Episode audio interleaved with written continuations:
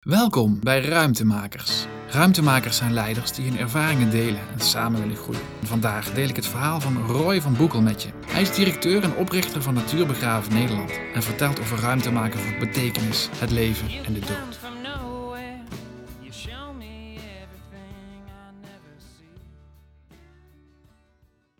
Wij zijn niet belangrijk. Het is de kortste dag van het jaar. De lucht is grijs en nattig. Hoewel het vroeg in de middag is, lijkt het alweer donker te worden. Overal branden de lichtjes van de kerstbomen op het platteland rond Schaik. Perfect weer voor een begrafenis. Tenminste, als je een droevig decor zoekt en de dood als iets donkers ervaart en zo wil vieren. Ik denk aan de dood, want ik ben op weg naar een natuurbegraafplaats. Dat is, het woord zegt het al, een begraafplaats in de natuur. Ik bedoel dan geen rhododendron naast een crematorium, ik bedoel echte natuur, met hagedissen en mos. Het bedrijf Natuurbegraven Nederland koopt land op, ontwikkelt dat tot natuur en maakt dat financieel mogelijk door in die natuur begraafplaatsen te realiseren en te verkopen. Zonder subsidie komt er dus veel natuur bij, doordat zij een belangrijke wens van een groep mensen weten te vervullen. Ik heb een afspraak met directeur en medeoprichter Roy van Boekel en loop op mijn gemakje naar een nieuwe, ingetogen mooie pand dat zo in een advertentie voor een vakantiehuis in het bos had kunnen staan. Wil je koffie? Wordt me bij binnenkomst gevraagd door een vriendelijke dame van in de vijftig, zonder dat ze lijkt te willen weten wat ik kom doen. Uh, nee, dank je, zeg ik. Ga lekker zitten, zegt ze en ze wijst me op een fijn bankje bij de open haard.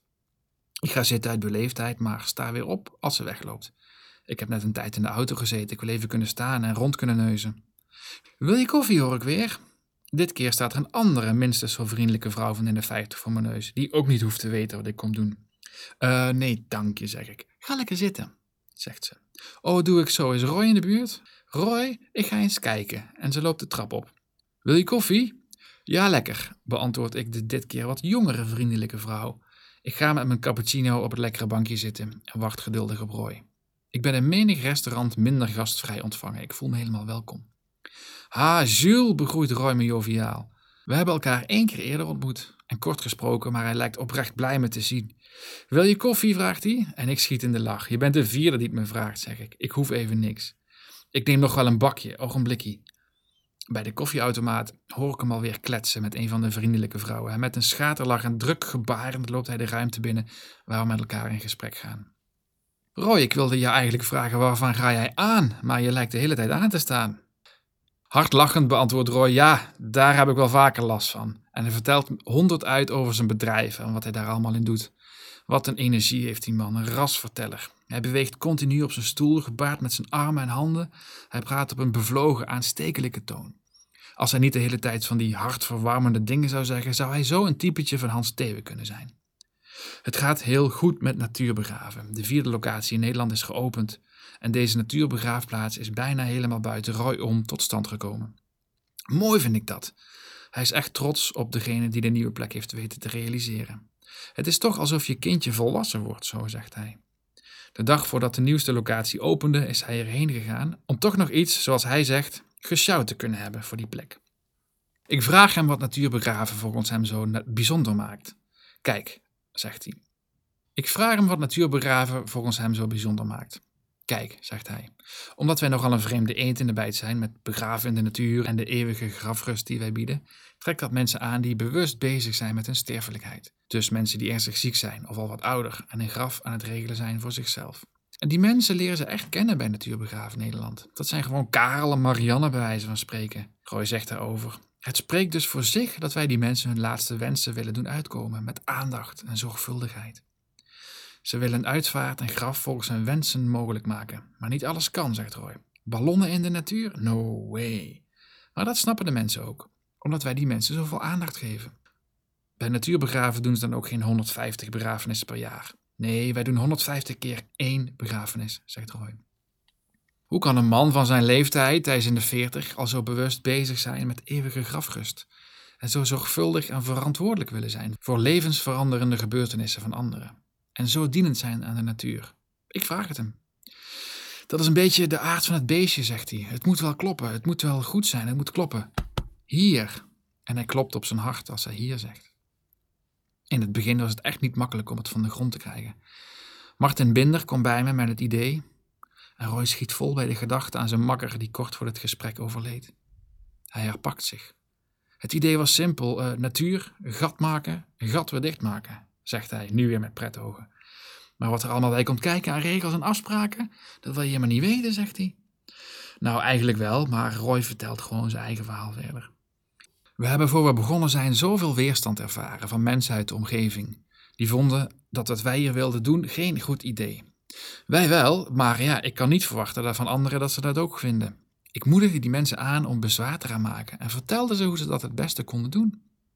Toen uiteindelijk alles in kannen en kruiken was, had de gemeente snel een persbericht rondgestuurd. Oh nee, dacht Roy. Onze buren moeten het niet uit de krant halen. Dus diezelfde avond nog schreef hij briefjes en deed hij ze persoonlijk in de bus bij alle omwonenden. Hmm.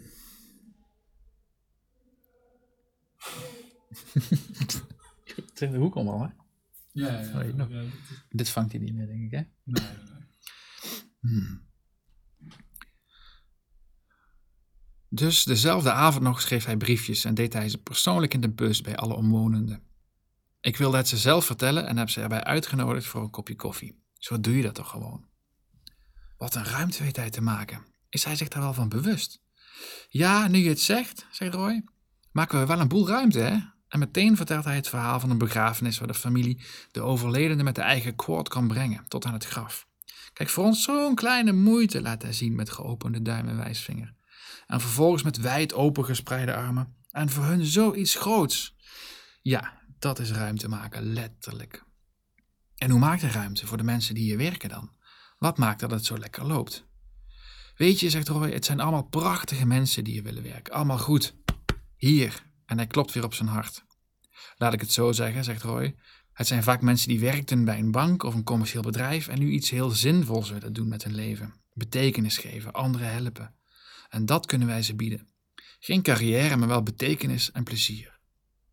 Met eigen opleidingsprogramma's kunnen medewerkers, de club, zoals Roy ze noemt, zich bekwamen in het begeleiden van mensen, diensten, rouw en de natuur beter leren te begrijpen. Want dat moet ook kloppen en hij legt zijn hand weer op het hart. Roy, vraag ik, wat betekent het toch als hij je hand daar legt? Hoe heet dat? En voor het eerst is hij even stil. Hij kijkt me aan met de blik van een kleine jongen die iets wil zeggen dat misschien niet helemaal mag en dan. Woorden geven is af en toe moeilijk, zegt hij. Heel af en toe inderdaad, zeg ik met een kwinkslag. Ja, en hij moet hardop lachen. Hij wordt weer stil en dan, zegt hij, het hart, mijn gevoel. Hij is zo verbonden met wat hij doet, zo verbonden met zijn gevoel en hij vindt het toch lastig dat woord uit te spreken, wat ontwapenend. En dan vertelt hij heel open: Mijn broertje is een grote inspiratiebron voor mij geweest.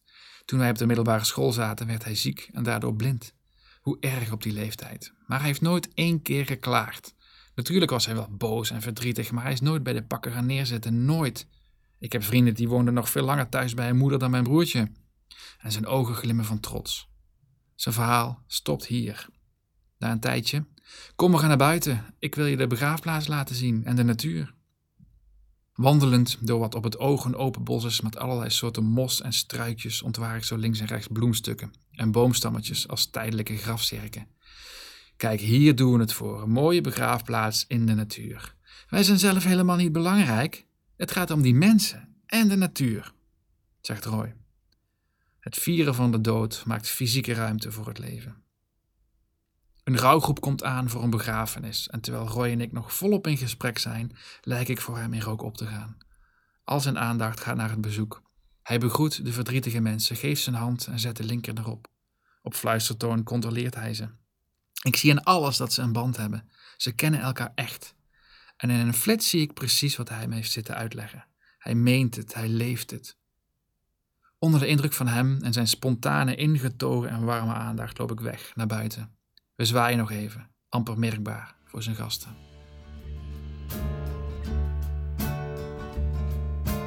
Beluister meer verhalen via ruimtemakers.nl met dubbel A of op Spotify. Dit verhaal maakt deel uit van het boek Maak Ruimte, dat je laat zien hoe je ruimte kunt maken als leider. Je kunt alvast een paar verhalen lezen op ruimtemakers.nl of op die site meteen een exemplaar reserveren. Hoe dan ook, heb nog een mooie dag.